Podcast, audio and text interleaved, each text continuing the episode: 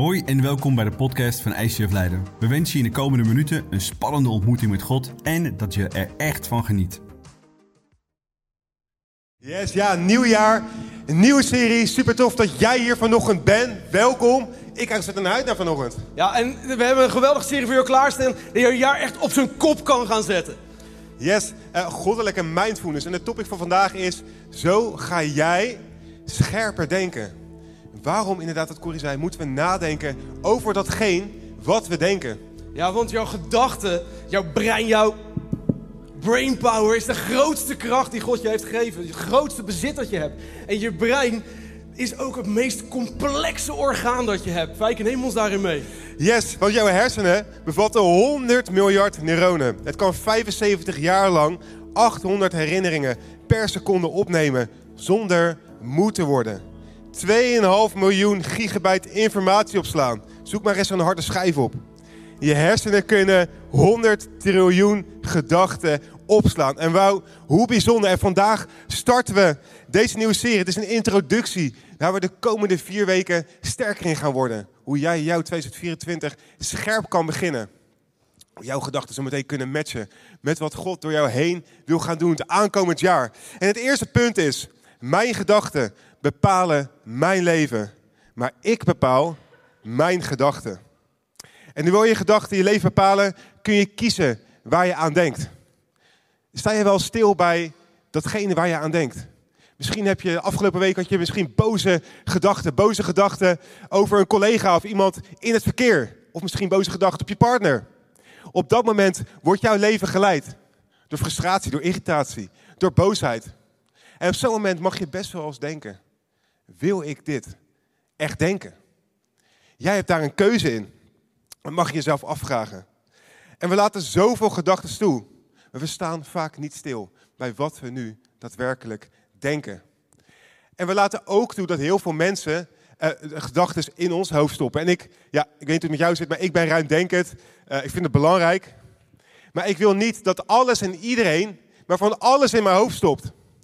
Social media die zegt hoe jij moet leven, het perfecte plaatje. De media die alles om je heen, van heel de wereld, aan je laat zien. Van oorlogen tot bijna overstromingen van de week. Zelfhelpboeken, series, films die je van alles vertellen. En misschien heb je een keer een opmerking gehad van iemand die niet zo lekker aankwam. Heb je een opmerking gehad dat je er niet toe doet? Dat je niet waardevol bent? Ben je erover na blijven denken? Ben je gaan malen? Ben je aan jezelf gaan twijfelen? En is het de duivel die dan iedere keer in je oor fluistert. Hé hey Mat, die collega, die doet veel beter zijn werk. Hoger opgeleid. Weet je zeker dat je geschikt bent voor dit werk? En je begint aan jezelf te twijfelen. En ik had het ook een aantal jaar geleden, kwam een gedachte in mijn hoofd. En uiteindelijk werd die gedachte een angststoornis. En de vraag van vandaag is, wil ik hier nu echt over nadenken? En als je elke dag die vraag weet te stellen, dan zal je leven veranderen. Toen ik in die angststoornis zat, in die periode zat, moest ik mij op een gegeven moment die vraag gaan stellen. Wil ik hier echt over nadenken? Of wat denk ik überhaupt eigenlijk? Het is een keuze hoe en waar je over nadenkt. En ik weet niet hoe jij naar het nieuws kijkt, maar misschien maak je je wel zorgen. Maar stel je die vraag. Wil ik die gedachten die mij zorgen doen maken? Misschien ben je ontmoedigd. Wil je ontmoedigende gedachten hebben? Misschien ben je geobsedeerd. Wil je die gedachten hebben die ervoor zorgen dat jij geobsedeerd raakt? Misschien ben je bang. Wil je die bange, angst, angstvolle gedachten hebben? Het is jouw keuze. En vaak doen we alsof we geen keuze hebben.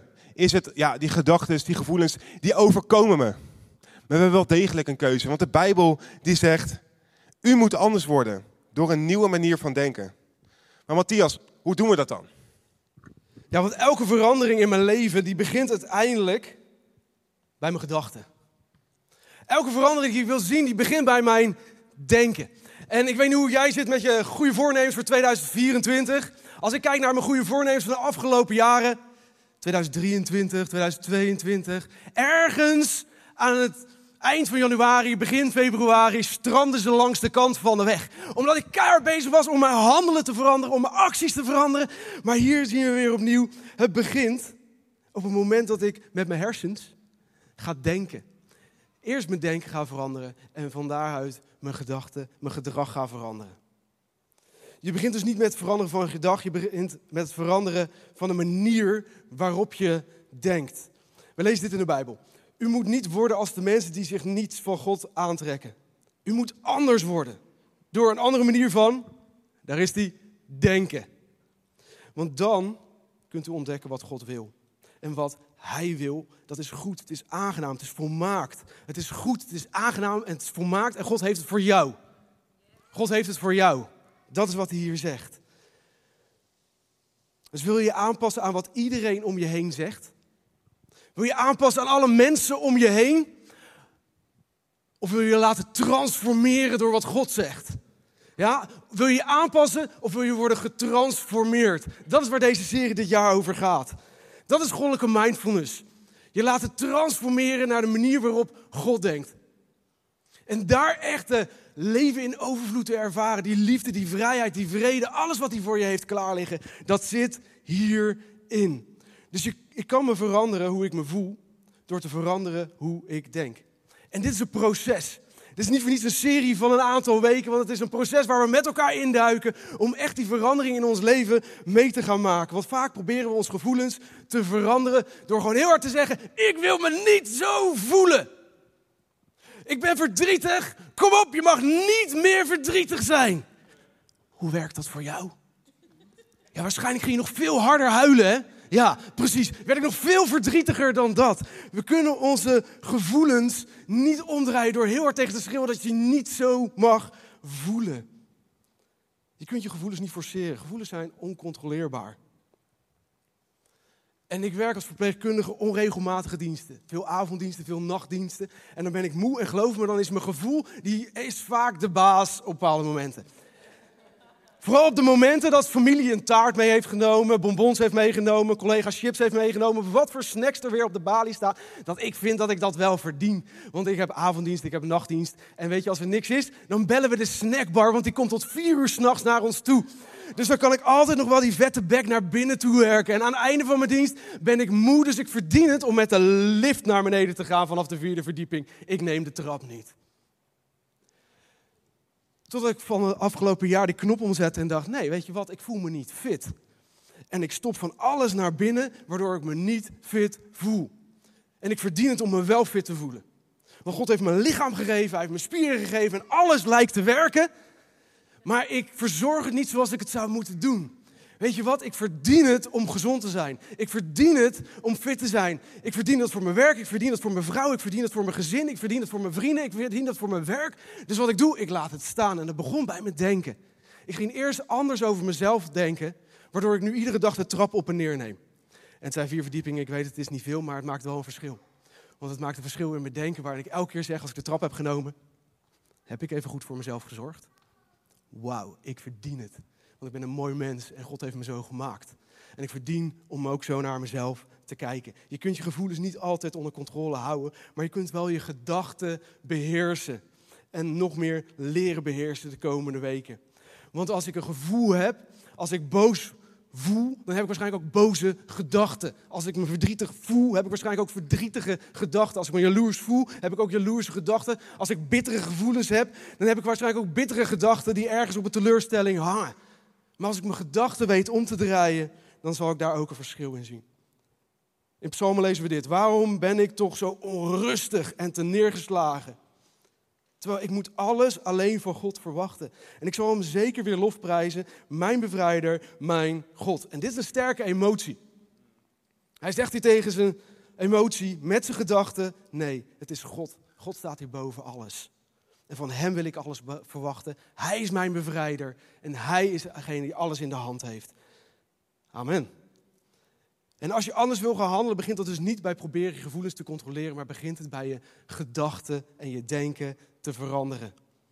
Ik moet mijn gedachten veranderen en dat is waar deze serie om gaat. En ik hoop dat je de komende vier weken een transformatie in je leven gaat meemaken als nooit tevoren. Fijke neem ons mee in het eerste punt hoe we dat echt op een gezonde en goddelijke manier kunnen doen. Yes, elk gedrag is gebaseerd op een overtuiging. Alles wat jij doet, daar zit een overtuiging achter. Alles wat je iemand anders ziet doen, goed of fout, is dat omdat daar een overtuiging onder, zitten, onder zit.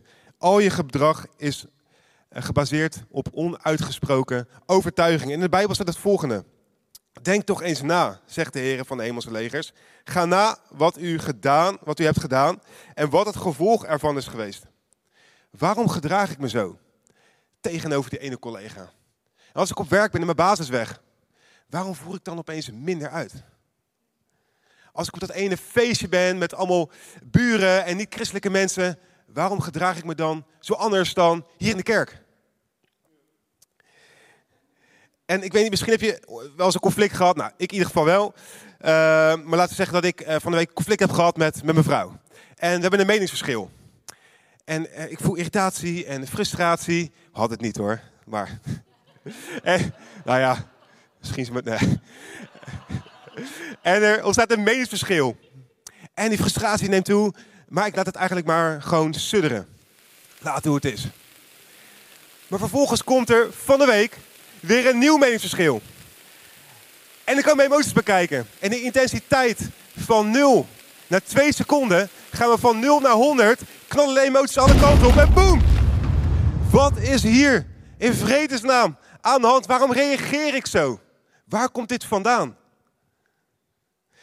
Omdat er zoiets, zojuist een onuitgesproken emotie, uh, overtuiging naar boven is gekomen. En misschien kan het zijn, ja, ik voel me niet gehoord. Mijn ideeën, ik voel me niet gehoord, ik voel me niet met respect behandeld. Ze ziet me niet staan.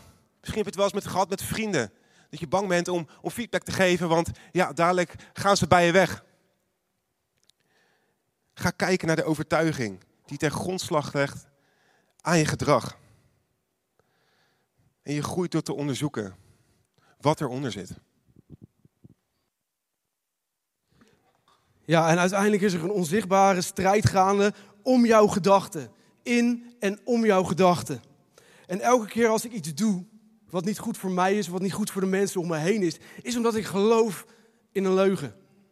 En zo is de boze altijd bezig om aan je te trekken en ervoor te zorgen dat jij niet doet wat jou echt tot vervulling brengt, wat jou echt tot je doel brengt, wat er echt voor zorgt dat er uitkomt wat God erin heeft gestopt.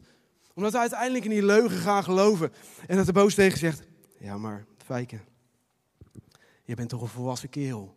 Ja, ik kan dat wel. En weet je, dat wat God zegt is oké, maar jij weet toch veel beter wat goed voor je is. Dit gaat jou geen pijn doen, dit is zoveel beter voor jou. Ergens is die continu dat tegen je aan het zeggen. En op het moment dat we dat doen en het pakt verkeerd uit, is het omdat we daarin zijn geloven. We lezen in spreuken. Soms denkt iemand op de goede weg te zijn, maar blijkt die naar de dood te voeren. Ben je ooit op een doodlopende weg uitgekomen? En bedoel ik niet dat je verkeerde afslag hebt genomen met je fiets of je auto of verkeerde straat in bent gelopen, maar een doodlopend punt bent terechtgekomen in je leven. Dat je dacht dat dit de juiste plek was, dat dit de plek was wat echt vervulling zou brengen, dat dit de plek was waar je echt gelukkig zou worden, dat dit de plek was waar je naartoe moest en dat je uiteindelijk dacht, nu zit ik tak, ik kan nergens meer naartoe en dit was een doodlopende weg. Dat is wat hier gezegd wordt. Het blijkt naar de dood te voeren is niet altijd letterlijk dood, maar dit smaakt naar dood. Dit is niet, mm, dit smaakt goed, dit smaakt naar meer, dit smaakt naar overvloed. Nee, dit loopt dood. Dat is een doodlopende weg. En de meest voorkomende leugens die we vaak geloven is waardoor we in verleiding komen. Omdat we denken dat verleiding van buitenaf komt. Ja, maar ik had dit nooit gedaan. Dit was me nooit overkomen als die persoon niet in mijn leven dat had gedaan. Ik was nooit in deze situatie gekomen als dit niet was gebeurd. Maar uiteindelijk begint verleiding allemaal ergens in mijn gedachten. Ergens in mijn denken start de verleiding. We lezen het in de Bijbel. Het zijn uw, van een andere persoon, van een andere situatie. Het zijn uw eigen slechte verlangens die u naar verleiding brengen. De slechtste verlangens waar u aan toegeeft, brengen u tot zonde. En als zonde volgroeid is, brengt de dood voort. En opnieuw, dit is. Het smaakt naar dood. Het brengt geen overvloed. Het brengt geen leven. Het is een doodlopend eind in je leven. Dus er wordt van binnen aan ons getrokken, iedere keer weer opnieuw. Of je nou beseft of niet, eh, er is een vijand die e- elke dag aan het achtervolgen is om ervoor te zorgen dat jij niet op dat punt komt waar God je wil hebben. Waar gewoon God jou belooft, hier ervaar je echte leven, hier ervaar je echte vrijheid. Hier ervaar je wat ik allemaal voor je klaar heb liggen. En te veel mensen, zeker christenen, hebben een beetje een arrogante houding waarin we denken dat we op een soort cruiseschip door het leven naar de hemel toe gaan. En in de plaats van onze geestelijke wapenuitrusting strekken we onze geestelijke vakantieuitrusting aan. En zeggen, weet je, ik draag mijn zonnebril en mijn Hawaii-shirt van opzichtigheid. Ik draag mijn zwembroek om iedere dag in mijn jacuzzi te kunnen dippen.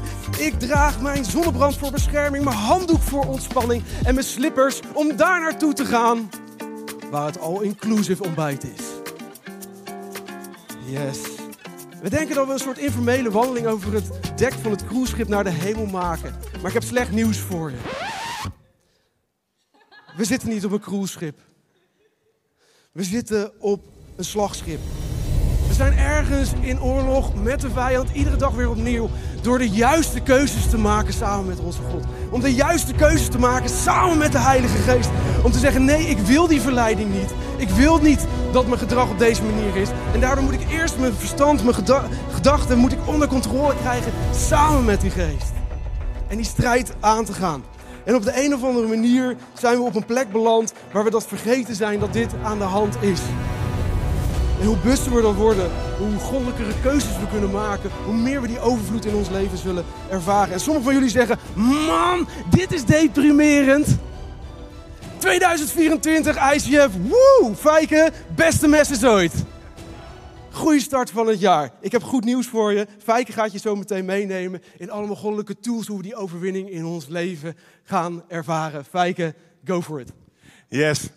Uh, om de strijd in en om mijn gedachten te winnen, heb ik Gods geest en Gods woord nodig. En als ik afhankelijk ben van mijn eigen kracht en van mijn eigen energie, ga ik de strijd niet winnen.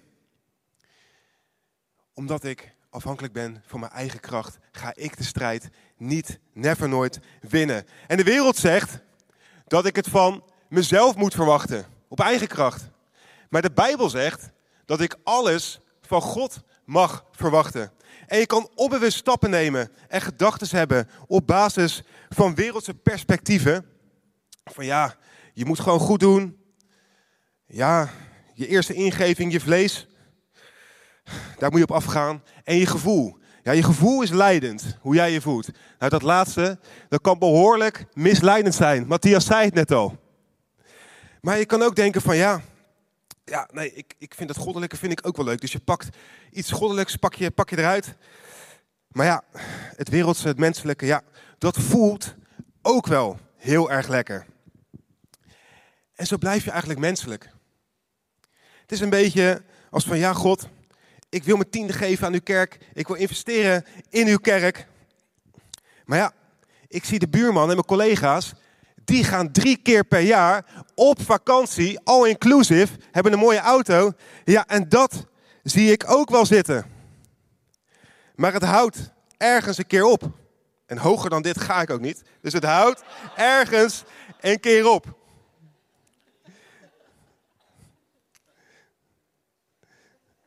Ja.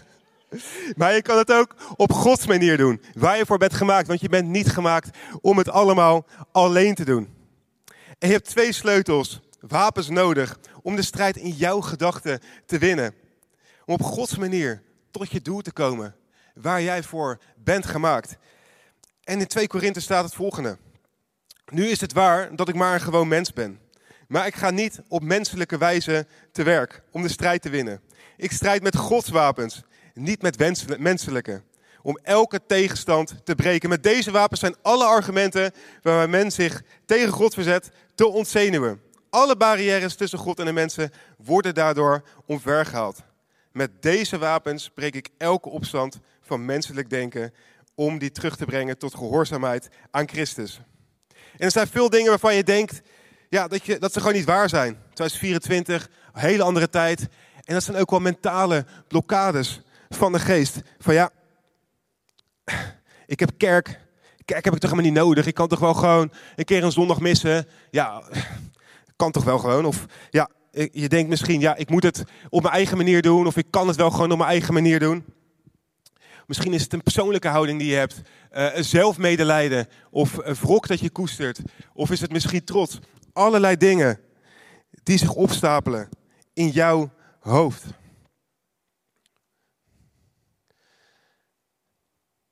En is het je vaak opgevallen dat jouw geest vaak in opstand komt? Net wat Matthias zei, dat hij in een, in een, in, uit een nachtdienst komt en hij voelt zich... En hij weet, ja, ik weet het, ik moet geen vette hap nodig. Maar alles in hem schreeuwt van, ga die vette happen stellen. Doe het nou. Misschien is het voor jou ook wel dat je uh, denkt van, ja, ik, ik, ik, ik, ik, je gedachten die je hebt over een collega en die je dan toch uit... Waarvan je denkt van, ja, ik had het eigenlijk niet moeten zeggen. Maar ja, ik, ik, moet het gewoon doen. Of misschien die ene internetpagina uh, toch niet dicht kunnen laten en denken van ja, shit, waarom doe ik het dan telkens? Je geest komt in opstand. En wat hebben we dan nodig? Dan hebben we die goddelijke wapens nodig. En met deze wapens breek ik elke opstand van menselijk denken. Om die terug te brengen tot gehoorzaamheid aan Christus. En in deze serie krijg je alle details.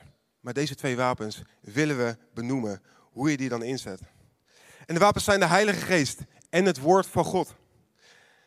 Dit zijn de twee wapens die je nodig hebt om je geest te overtuigen. Ten eerste heb je Gods geest in je nodig. Want zonder Hem ben je weerloos. In de Romeinen 8, vers 6 staat het volgende. Het doen van uw eigen zin leidt tenslotte tot de dood. Maar de kracht van de Heilige Geest brengt ons leven en vrede. En dat is de reden waarom, Jezus, waarom je Jezus in je leven nodig hebt. Dat is de reden waarom je de Heilige Geest nodig hebt. Gods geest van liefde heb je nodig, want zonder hem ben je machteloos. En ik heb Gods geest ook in mij nodig, iedere dag weer. En toen ik in de periode zat van angsten, probeerde ik in het begin het op het eigen kracht te doen. Maar het bracht me helemaal nergens. En ik kan me niet voorstellen waar ik nu was geweest. Als ik het op mijn eigen kracht was blijven doen. Ik had Gods geest nodig. En ik heb een andere manier van denken heb ik me aangeleerd. Dankzij Jezus. Want ik weet, als ik me misschien weer zo voel, als ik me weer angstig voel, dan is Jezus daar. En mag ik naar Hem toe komen? Mag ik in zijn autoriteit gaan staan? En mag ik die angsten weer de deur wijzen? Een hele andere manier van denken. En de tweede wat ik nodig heb, is het woord van God. In Johannes 8 staat het volgende. Als u zich houdt aan wat ik zeg, bent u werkelijk mijn leerlingen. Dan zult u de waarheid kennen en door de waarheid bevrijd worden. En is het niet interessant hoe de wereld zo ontzettend op zoek is naar waarheid? Ik kan een hele quotes aanhangen. Die laatste zin. Wij willen de waarheid, maar zonder Gods waarheid. Maar vers 31 en 32 kan je niet van elkaar scheiden. En God is de bron van alle waarheid. Als je mijn woord blijft volgen en in de praktijk brengt, dan ben je mijn discipelen. En dan ken je de waarheid en zal die, zal die waarheid jou bevrijden. We moeten leren om zoals Jezus te gaan denken. Ja, en leren denken zoals Jezus, dat is tot inkeer komen. We hebben te maken met een keuze, een menselijke of een goddelijke waarheid. En we zitten in de wereld, wereldse keuzes, menselijke keuzes. We willen allemaal bovenaan de ladder staan, toch? Omdat het kan. En om onze gedachten te laten matchen met die van Jezus, dat betekent je bekeren. En dan vaak als we denken aan bekeren, dan is het een woord waar we geen lekker gevoel bij krijgen. Want bekeren, dat is die man op straat, daar in de Breestraat, met zijn flyer in de lucht en zegt, bekeer je, bekeer je. En die probeert Jezus door je strot heen te douwen. Dat is het gevoel wat we hebben bij bekeren. Dat is waar we bij over nadenken. Het heeft totaal zijn kracht verloren, bekeren. Terwijl bekeren is het meest mooie, levensbrengende, vervullende, vrijheidgevende, vredegevende, mooiste wat er in je leven kan gebeuren. Op het moment dat we zeggen, Jezus, hier ben ik. Op het moment dat we zeggen, ik wil het niet meer op mijn menselijke manier doen ik ga ook niet in die spagaat staan. Omdat dat ook geen vervulling geeft. Maar ik kies voor een leven samen met Jezus. In het Grieks staat een metanoia. Metanoia betekent keer je om. Draai je om. En wat draait je om? Noia is je geest, je gedachten. Ik draai me om En dat betekent niet dat ik gelijk helemaal geen slechte dingen meer ga doen. Nee, dat betekent dat ik het op Jezus' manier wil gaan doen, die kant op.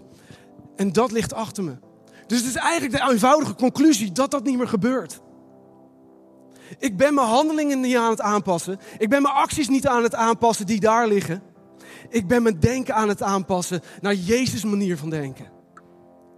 Naar zijn gedachten, naar goddelijke gedachten, wat hij over me zegt, wat hij over de wereld zegt.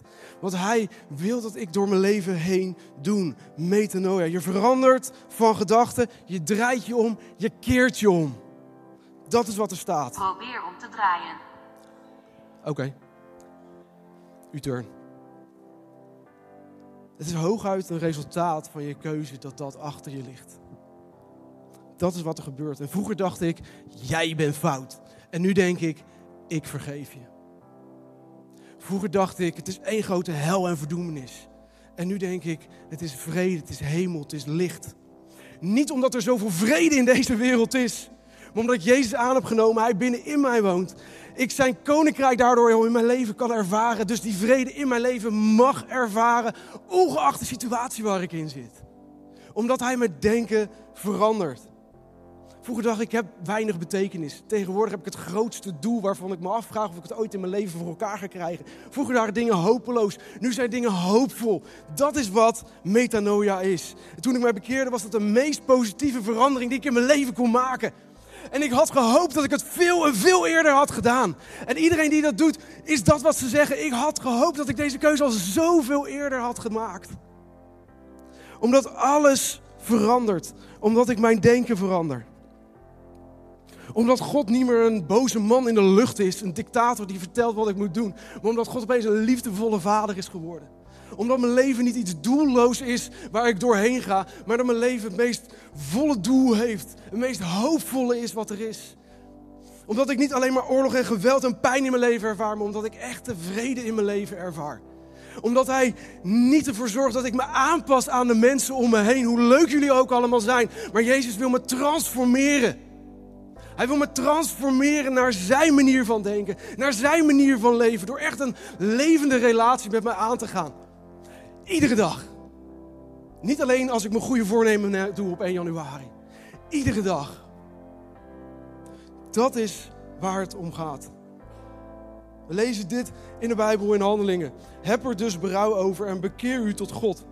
Want dan zou u uw zonde wegdoen, zodat er een tijd van verfrissing aanbreekt. Als u met de Here leeft. Verfrissing als ik samen met Jezus leef. Verfrissing over alle topics in mijn leven. Over mijn relaties, over mijn gezondheid, over mijn werk, over mijn kerk, over mijn resources, mijn financiën. Overal wilt hij verfrissing inbrengen voor jou. Heb jij nou in 2024 verfrissing nodig? Heb je meer joy nodig in je leven? Heb je metanoia nodig in je leven? Heb je die vrede en die rust nodig in je leven? Geloof wat God over jou zegt. Geloof wat hij over je zegt. En niet wat anderen zeggen. Pas je niet aan. Maar laat dit jaar zijn transformerende kracht in je werk op een manier als dat hij nog nooit eerder bij jou heeft mogen doen. Want hij heeft nog steeds iets nieuws voor jou klaar liggen. Hij heeft nog steeds meer van hem voor jou klaar liggen in 2024.